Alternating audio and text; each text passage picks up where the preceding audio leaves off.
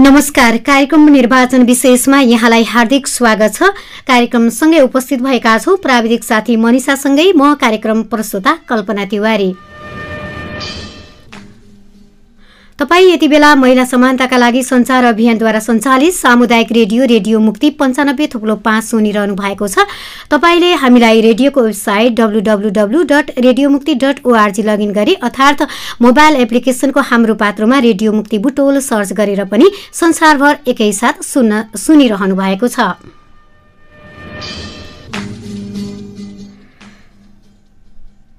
आउँदो मक्सिर चार गते हुने प्रतिनिधि सभा र प्रदेश सभा निर्वाचन दुई हजार उनासीलाई केन्द्रित गरेर हामीले निर्वाचन विशेष कार्यक्रम प्रस्तुत गरिरहेका छौँ। विशेष गरी यति बेला आम मतदाताको जुन एउटा अनुभव सँगै उहाँहरूको भनाइ र उहाँहरूको आकाङ्क्षाहरू के के छन् उम्मेद्वार राजनीतिक दल निर्वाचन आयोग लगायत निर्वाचनसँग सम्बन्धित विभिन्न खण्डमा हामीले कार्यक्रम उत्पादन प्रसारण तपाईँमाझ गरिरहेका गरेका छौँ त आजको यस निर्वाचन विशेष कार्यक्रममा हामीले रूपन्देही निर्वाचन क्षेत्र नम्बर दुई दुईका प्रदेशसभा सदस्य एवं गठबन्धनका साझा उम्मेद्वार वामदेव छेत्रीजीलाई अतिथिको रूपमा स्टुडियोमा निम्ताएका छौँ। यहाँलाई कार्यक्रममा हार्दिक स्वागत छ। धन्यवाद। आराम हुनुहुन्छ? एकदम आराम छ। विशेष गरी यो दुई हजार उनासी सालको निर्वाचन प्रतिनिधि सभा र प्रदेश सभा निर्वाचन हुँदै गर्दा यहाँ चाहिँ प्रदेश सभा रूपन्देही क्षेत्र नम्बर दुई दुई को प्रदेश सभा सदस्यको उम्मेदवार हुनुहुन्छ जुन गठबन्धनको साझा उम्मेदवार पनि हुनुहुन्छ। यहाँको उम्मेदवारी के का लागि? यहाँको उम्मेदवारी मेरो उम्मेदवारी मुख्यतः म योजना आयोगमा बसेँ डेढ वर्ष करिब। र मैले केही यो क्षेत्रको डेभलपमेन्टको बारेमा केही नयाँ सोच मैले बनाएको छु। र सँगसँगै के हो भने अहिलेसम्म म प्रतिनिधि सभाकै चुनाव लड्न पार्टीले प्रेसर गरेको हुँदाहुँदै पनि म यही क्षेत्रको बासिन्दा भएर यही क्षेत्रको केही विकास गर्नुपर्छ पर्छ भन्ने कल्पनासहित मेरा केही एजेन्डाहरू साथमा लिएर म चुनावी मैदानमा छु। यस कारणले जनताले मेरो प्रतिबद्ध पत्र हेर्ने र यो क्षेत्रको विकास र डेभलपमेन्टको रूपमा हेरेर मलाई भोट दिने भन्ने मैले अपिल गरेको छु। जस्तो अहिले यहाँ चाहिँ मतदाताको घर दैलोमा अभियानमा हुनुहुन्छ।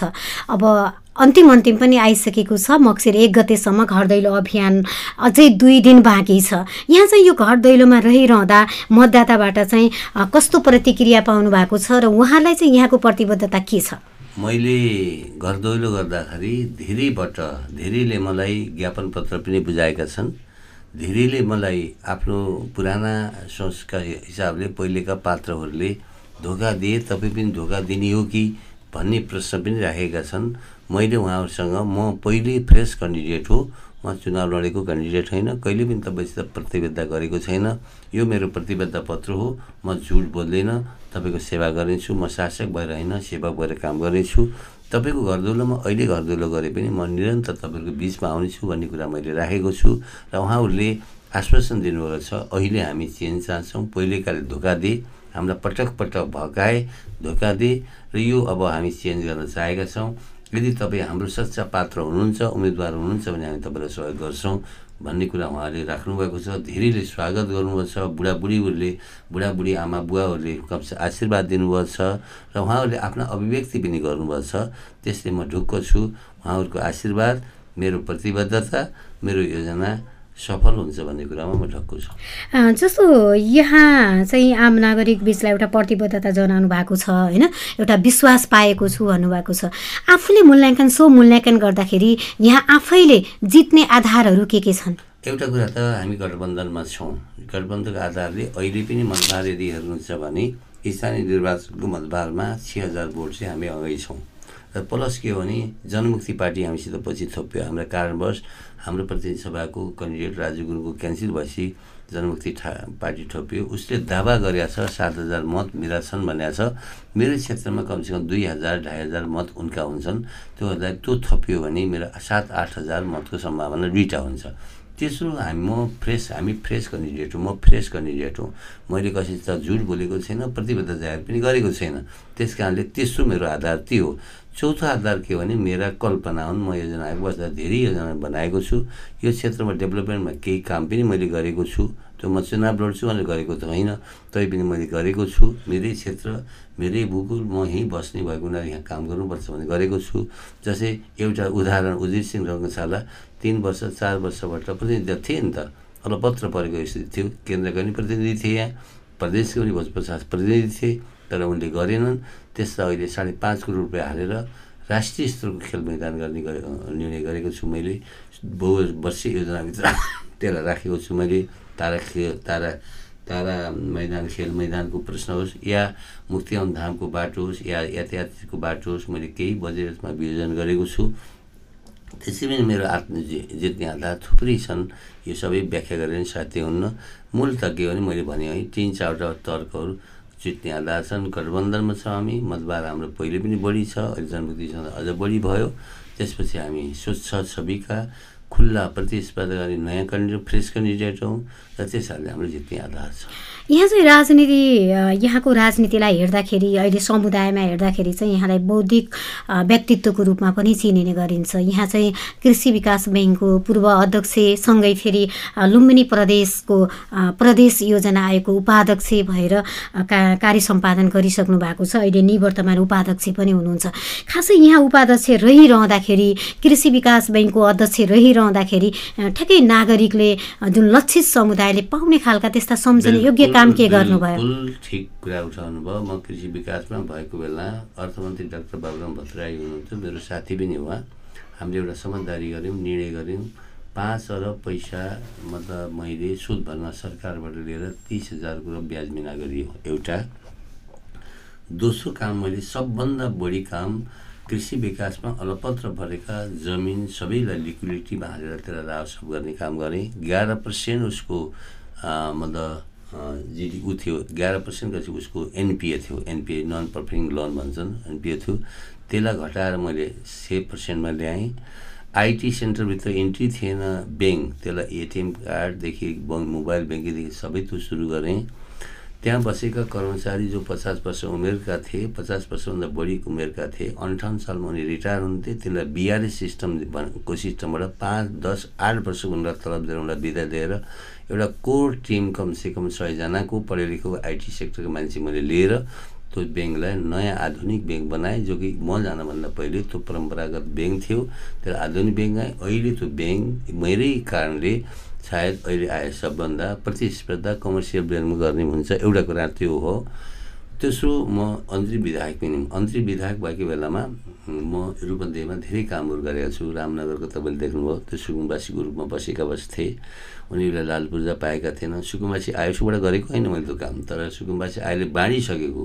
उनीको लाल पूर्जा लुकाइदिने मुद्दा हाल्ने तमाम राजनीतिक दलले त्यहाँ गरेको भ्रष्टाचार जो थियो सत्तरीवटा घडी उनले गरेर रोकेका थिए। ती घडी मैले लाल पूजा त्यसलाई दिलाएँ। त्यस्तै माथि बमघा भन्ने छ तिन नम्बर त्यस्तो गरेँ। मैले केही काम त्यो बेला छोटो अवधिमा चाहिँ जनप्रतिनिधि रूपमा म भएँ त्यही पनि अन्तरिम काल त्यो काम गरेँ। अहिले म राष्ट्रिय योजना आयोगमा आएँ। दुई तिनवटा काम तपाईँको मिडियाले पनि देख्न सक्नुहुन्छ। मैले एउटा दस वर्ष गुरु योजना बनाएको छु यो प्रदेशको चित्र कस्तो बनाउने भनेको यो चित्र कस्तो बनाउने भन्ने कुरालाई मैले कल्पना गरेको छु। र अर्को कुरा सँगसँगै यो क्षेत्रलाई म यहीँ बस्ने हुनाले यो क्षेत्र पर्यटनको हब्स हो हामीसँग जितगढी किल्ला छ सिंहदरबार छ रामापिथिकेस छ पोलबम दम छ सैनामैना छ यी अत्यन्त रमणीय र ऐतिहासिक स्थल हो। यसको बारेमा केही योजना मैले यसित सँगसँगै जोडेर बनाएको छु। तिनौँ खोलालाई मैले अभिशाप होइन स्ट्रिम बोट चलाउने मैले अनुसन्धान गरेर राखेको छु त्यसलाई योजना आयोगमा यो एसी प्रदेशभित्र पर्ने भएको हुनाले।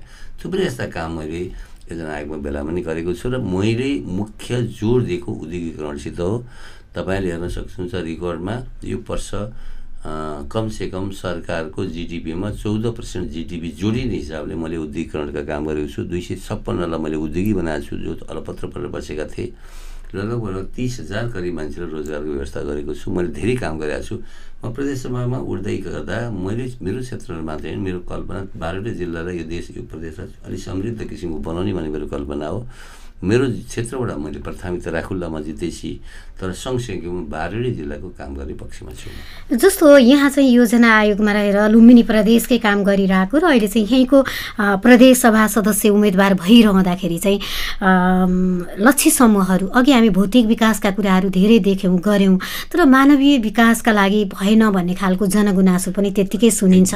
र सँगै अर्को कुरा यहाँले यदि जित्नुभयो भने अहिले भोट दिनुभयो जित्नुभयो भने महिला बालबालिका सीमान्तकृत होइन? यौनिक तथा लैङ्गिक अल्पसङ्ख्यक।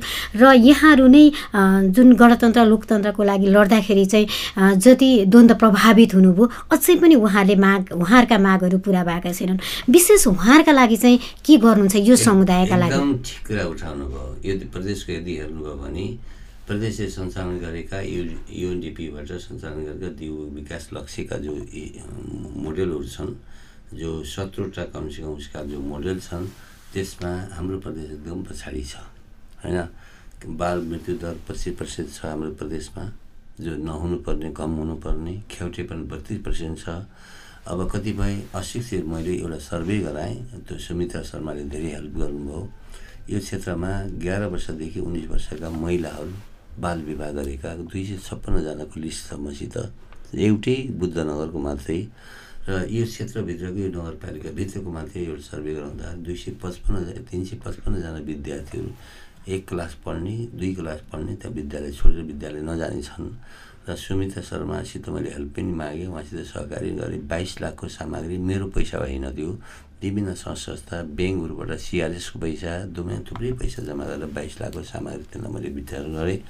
मलाई अलिक बोझ जस्तो लागेको छ। अब तिनको अहिले यो वर्षको त मैले सामग्री बाँटेँ। आउने वर्षदेखि उनको पढाइ शिक्षा कसरी लग कन्टिन्यू गर्ने भन्ने मलाई टेन्सन छ।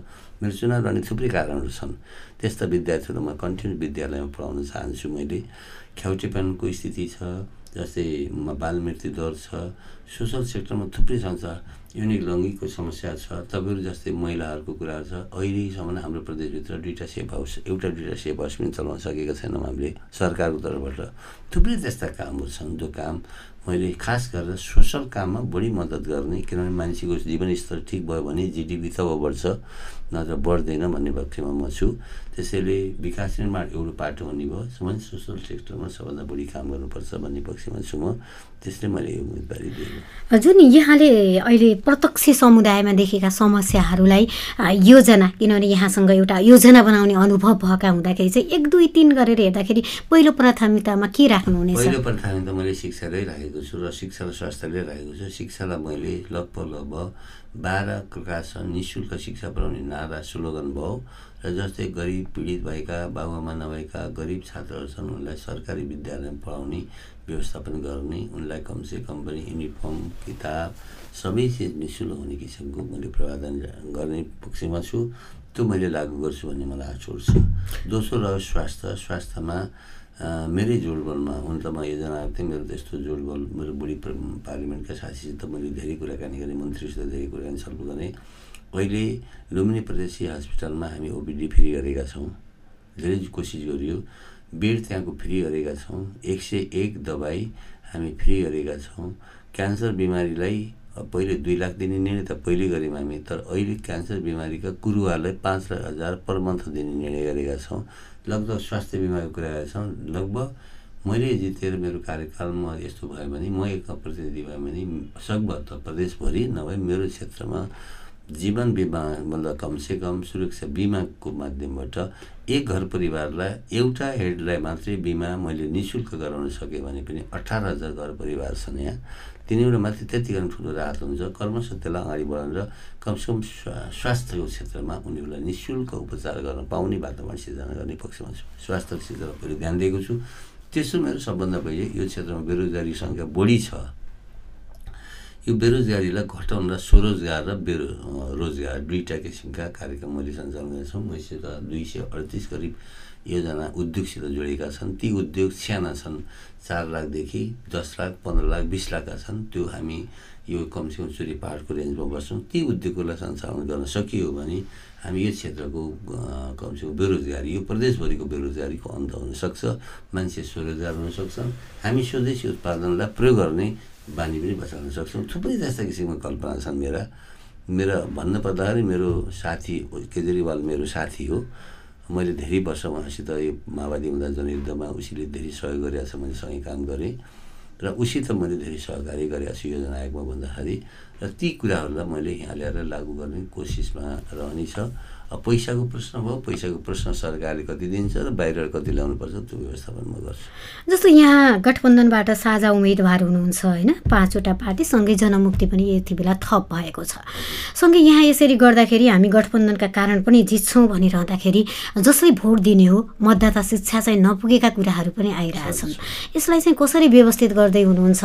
मत बदर हुने कुराहरूलाई मतदाता शिक्षा नपुगेका कुराहरूलाई चाहिँ अब यो निर्वाचनको अन्तिम अन्तिम बेलासम्म आइपुग्दाखेरि चाहिँ यहाँ यहाँले कसरी महसुस गर्नुभएको छ? के छ? दुईवटा कारण मैले देखेको छु। एउटा कारण जस्तै हामीले घरलाई र हँसे हतौडालाई बोट मागिरहेका छौँ। मेरो हँसे हतौडादेखि तलतिर घर छ त्यसमा बदल हुन्छन् कि भन्ने एउटा समस्या मैले देखेको छु। एउटा कतिपय जनमुक्ति सा टाइपका जनमुक्ति टाइपका जनजातिहरूले हँसिया हतौडामा पनि हान्ने घरमा पनि हान्ने गर्छन् कि भन्ने एउटा खतरा त्यो देखेको छ। दोस्रो के हो भने कतिपय मान्छे माओवादीबाट वितृष्णा भएका मान्छेहरू पनि छन्। माओवादीलाई भोट दिनुहुन्न भन्ने खालको नै होला तेस्रो कारण के हुनसक्छ भने नेपाली काउन्सिल इमान्दारी कति देखाउँछ भन्ने प्रश्न छ। यो तिन चाहिँ चारवटा कारण वरपर मैले हेरेको छु। नत्र कुनै पनि आधार छैन हार्ने छुट कतै पनि छैन भने जस्तो मलाई लाग्छ। मैले कम्युनिटी बेसको भोट माग्दिनँ भोज प्रसादले नेवार कम्युनिटी चाहिँ मेरो आधार हो उहाँले मलाई भोट दिनुहुन्छ भनेर भन्नुभएको छ। त्यही भएर मैले कङ्ग्रेसको इमान्दारीको कुरा उठाएँ। कङ्ग्रेस इमान्दार रूपमा यदि प्रस्तुत हुने हो भने हारको कुनै पनि अवस्था छैन। त्यसै पनि हार्दिनँ मैले। नेवार कम्युनिटीलाई त्यस्तो मैले भन्दिनँ। नेवार कम्युनिटी सबै त्यस्तो छैन। केही होला दुई चारजना होला उनका रिलेटिभ होला त्यस्तो होला। तर फेरि मैले अर्को तर्क पनि गर्न सक्छु। म गुल्मीको मान्छे हुँ। गुल्मी र अर्घाजीको सबभन्दा नजिकैली बसाइ यो क्षेत्रमा रहेछ। अहिले मैले धेरैलाई भेटघाट गरेँ। त्यो क्रसिङ बोट मलाई पनि हुनसक्छ। होइन त्यस कारण के भने म ढुक्क छु त्यस्तै म ढुक्क छु त्यसैले हाम्रो त्यस्तो समस्या नहोला। त्यही पनि मतदाता शिक्षा आजबाट सुरु भएको छ। हामीले टिम बनाएर प्रत्येक वार्डमा परिसञ्चालन गरेका छौँ। अलिक ढिला भएन र मतदाता शिक्षा दिने कुरा? दुई दिनमा हामीले एउटा टोलमा दसजना खटाएका छौँ। एउटा टोलमा नगरपालिकाको नियमअनुसार पनि एक सय बत्तिसदेखि एक सय बाइसदेखि एक सय पैँतालिसहरू हुन्छन् दसजनाले दुई दिनमा पुरा कभर गर्न सक्छन् भन्ने कुरा हामीले विश्वास राखेका छौँ। तपाईँ उम्मेदवार भइरहँदा लामो समयदेखि फेरि पार्टीमा रहेर विभिन्न पदमा काम गरी कार्य सम्पादन गरिरहँदा सँगै योजना आएको उपाध्यक्ष हुँदाखेरि पनि। तर अहिलेको यो जुन निर्वाचन छ प्रतिनिधि सभा र प्रदेश सभा यति बेला चाहिँ अलिकति जनतामा निराश आए जस्तो पनि देखिन्छ नि। यसको परिपूर्ति गर्नका लागि चाहिँ के गर्न सकिएला ठिक त्यही हो। जनताले राजनीतिप्रति राजनीतिक दलप्रति वितृष्णा छ त्यही भएर केही स्वतन्त्र उम्मेदवारले आफ्नो दावा पनि गरेका छन् उठेका पनि छन् काठमाडौँको स्थानीय निर्वाचनमा केहीले जिते पनि। तर मैले म मैले त्यही भएर भनेको छु म अनटेस्टेड क्यान्डिडेट हो नयाँ क्यान्डिडेट पार्टी त छ मेरो तर अनटेस्टेड क्यान्डिडेट हो मेरो आफ्नै योजना छन्। मैले योजनालाई लागू गर्छु मैले हवाई कल्पना गर्दिनँ। जस्तै बसप्रसादले विष्णु पौडेलले दुई तिनवटा कुरा गरेका छन् तपाईँले हेर्नुहोला। राजधानी सारे राजधानी सारिसकेपछि अस्ति विष्णु पौडेलले यो चकले लेखेको डस्टरले मेटाउन सकिन्छ भने वाहियात कुरा हो यो। यो हुन सक्ने कुरा होइन कि राजपन्ध्रको प्रकाशित भइसकेको छ क्याबिनेटले निर्णय गरेको छ पार्लियामेन्टले निर्णय गरेको छ त्यो प्रस्ताव हुने सम्भावना नै छैन। मेरो मलाई पनि अस्ति साथीहरू भिडियो तपाईँले हेर्नु होला धेरै भाइरल भयो थियो। कमसेकम अडतिस हजार मान्छेले हेरेँ। मलाई पनि घेरा हाले तपाईँ राजधानीको बारेमा किन बोल्नुहुन्न भनेर भने मैले एउटा कुरा बोलेको छु। मैले के बोलेको छु भने यदि तपाईँले दुई तिहाई हाम्रो गठबन्धनलाई जिताइदिनु भयो भने दुई तिहाई बहुमत भयो भने पुनः विचार गर्न सकिन्छ। किन दुई तिहाई बहुमत भएपछि पार्लियामेन्टमा नयाँ तरिकाले गर्न सकिन्छ भन्ने कुरा मैले बोलेको छु। एकातिर विष्णुपुरले चकले देखेको डस्टले मेटाइन्छ भन्ने अर्कोतिर मिडियामा तपाईँले पनि हेर्नु होला। शङ्कर पोखरेल हिजो बोले कोही त माइका लालले यसलाई हटाउन सक्दैन यो निर्णय भइसकेका छ हामीले हुँदैन। हामी त्यो मान्दैनौँ भन्ने कुरा उनले भन्ने भनेपछि एउटा पार्टीमा दुईवटा डेट नेता शीर्ष नेता यता उपाध्यक्ष उता महाध्यक्ष दुइटै कुलिरहेका छन् र विरोध गरिरहेका छन् र झगडा भोटमा जनतालाई ठग्ने काम भएका छन्। उताको जनतालाई मैले यहाँ राजधानी राख्छु भनेर भोट माग्ने यता गएर चकले लेखेको डस्टरले मेटाउँछु र मैले ल्याउँछु भने भोट माग्ने एउटा तरिका यो। दोस्रो तरिका तपाईँले अर्को पनि देख्नु होला। कालीकन्ट्री डाइभर्सन गर्छौँ भनेर भनेका छन्। कालीकन्ट्री डाइभर्सन यो अब यो राष्ट्र यो राजधानीको प्रश्न पनि के हो भने लिलागिरीले प्रस्ताव राखे भोजप्रसाद समर्थन गरे। फसाउनु त यिनलाई मैले फसाइनले। गरेँ नि त। आखिरी भोजप्रसाद त्यसको विरोध गर्थ्यो फ्लोर क्रस क्रस गर्न किन सकेनन् उनी? उनले त फ्लोर क्रस सकेन। पार्टीको पोलिसी लागू गरे। उनले दस्तावेज गरे। सबै गरे। समर्थक भए उनी। त्यसले क्लियर छ। अर्को कालीगण्डकी डाइभर्सनको कुरा गरिरहेका छन्। कालीगण्ड डाइभर्सन गर्छु भनेर विष्णुपोलले भन्ने कालीगण्डकी डाइभर्सन गरेर गर्ने के हो यहाँ? यो प्रदेशभित्र गर्ने के हो? यो प्रदेश के होइन भने अहिले तपाईँले देख्नुहुन्छ म्याग्रेसनको सबभन्दा चाप छ। एकै वर्षमा अहिलेको वर्षमा म त डाटासित बढी अनुभवी मान्छे पनि हुँ। एकै वर्षमा वान पोइन्ट थ्री पर्सेन्ट मान्छे माइग्रेसन भएको छ पाहाडी क्षेत्रबाट रूपन्देही। रूपन्देही पन्ध्र वर्षपछि पुरै आवासीय क्षेत्र बनेर माइक्रो सिटी बन्ने स्थिति देखा पर्छ। त्यो पानी लगाएर सिँचाइ कहाँ गर्ने? के गर्ने? त्यो समस्या छ। एकातिर डाइभर्सन नआएर भोट माग्ने अर्कोतिर उता पद्महराले हिजो अस्ति भनिसकिन् हामी कालीगण्डीको कुनै माथि डाइभर्सन हुन दिन्नौँ भन्न भने। यताकाले डाइभर्सनको भोट माग्ने उतातिर डाइभर्सन हुन्न भनेर भोट माग्ने। यो पार्टीको चरित्र यस्तो भइसक्यो। त्यसरी नेपाली जनताले ठोक्ने कुरा भयो। म सुकानगर बस्छु। जुम्साको पानी खुवाउँछ भनेको त पन्ध्र वर्ष भयो नि त। खै त जुम्साको पानी? थुप्रै यस्ता प्रोजेक्टहरू असफल भए। एडिपीका प्रोजेक्टहरू असफल भए। फोहोर मैला व्यवस्थापन गर्नलाई पैसा आयो त्यो फ्रिज भयो। खानेपानीलाई पैसा त्यो फ्रिज भयो अटो भिलेजलाई पैसा त्यो फ्रिज भयो। आखिर यही सरकार यही जनप्रतिनिधिहरूले गरे। सुकुम्बासी पन्ध्र वर्षदेखि हामीले गर्छौँ भन्दा भने पन्ध्र वर्ष उनीहरूले केही गर्न सकेन। अब कहाँबाट गर्न सक्ने स्थिति हुन्छ? त्यही भएर यी सबै मुद्दाहरू उहाँहरूका छन्। यिनी पुराना मुद्दा हुन्। हामीले नयाँ मुद्दा उठाएका छौँ। हामी अब कार्यक्रमको अन्त्यमा पनि आएका छौँ। विशेष गरी यति बेला रूपन्देही निर्वाचन क्षेत्र नम्बर दुई दुईका आम नागरिकहरूलाई चाहिँ यहाँले के भन्नुहुन्छ? मुख्यत तपाईँले एजेन्डा पनि हेर्नुहोस् पात्र पनि हेर्नुहोस्। अहिलेको परिस्थिति आस्थाको आधारले भन्ने राजनीति मान्छेले पात्र हेरेर भोट दिने गरेका छन्। हामी अनटेस्टेड क्यान्डिडेट हौँ। हामी क्षमता पनि छ बौद्धिक पनि छौँ काम गर्न सक्ने क्षमता पनि छ। हामीले यो ठाउँको मुहार छेर्न चाहेका पा पाएका छौँ। तपाईँलाई जुट्टा रिकलको सिस्टम हुन्थ्यो भने तपाईँहरूले हामीलाई फिर्ता बोलाउन सक्नुहुन्थ्यो। त्यो प्रवादन एनमा छैन। तैपनि यदि हामीले काम गर्न सकेन भने हामी राजीनामा गरेर साइड राजीनामा दिएर साइड हुनेछौँ। हामीलाई एकचोटि तपाईँहरूले अपिल गर्न चाहन्छु। म तपाईँको मिडियाबाट अब विज्ञापनमा नि बुझिरहेका छ मेरो हँसी हतौडा मेरो गोलाकारभित्रको हँसी हतौडा हो। त्यसमा मतदान गरेर विजय बनाउनु छ। अर्को हाम्रो प्रतिनिधि सभाबाट घरमा मतदान गर्नुहुन्छ भन्ने आशा राख्दै तपाईँको मिडियाबाट यो मैले आफ्ना कुराहरू राख्ने मौका दिनुभएको पनि तपाईँको मिडियालाई धन्यवाद दिन चाहन्छु।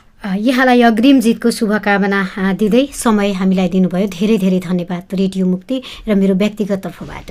र धन्यवाद यो मेरो आफ्नो आवाज आफ्ना भनाइ आफ्ना एजेन्डा राख्न दिनुभएको मुक्ति एफएम परिवारलाई धेरै धेरै धन्यवाद ज्ञापन गर्न चाहन्छु। हामीसँग यति बेला कुराकानी सँगै हुनुहुन्थ्यो।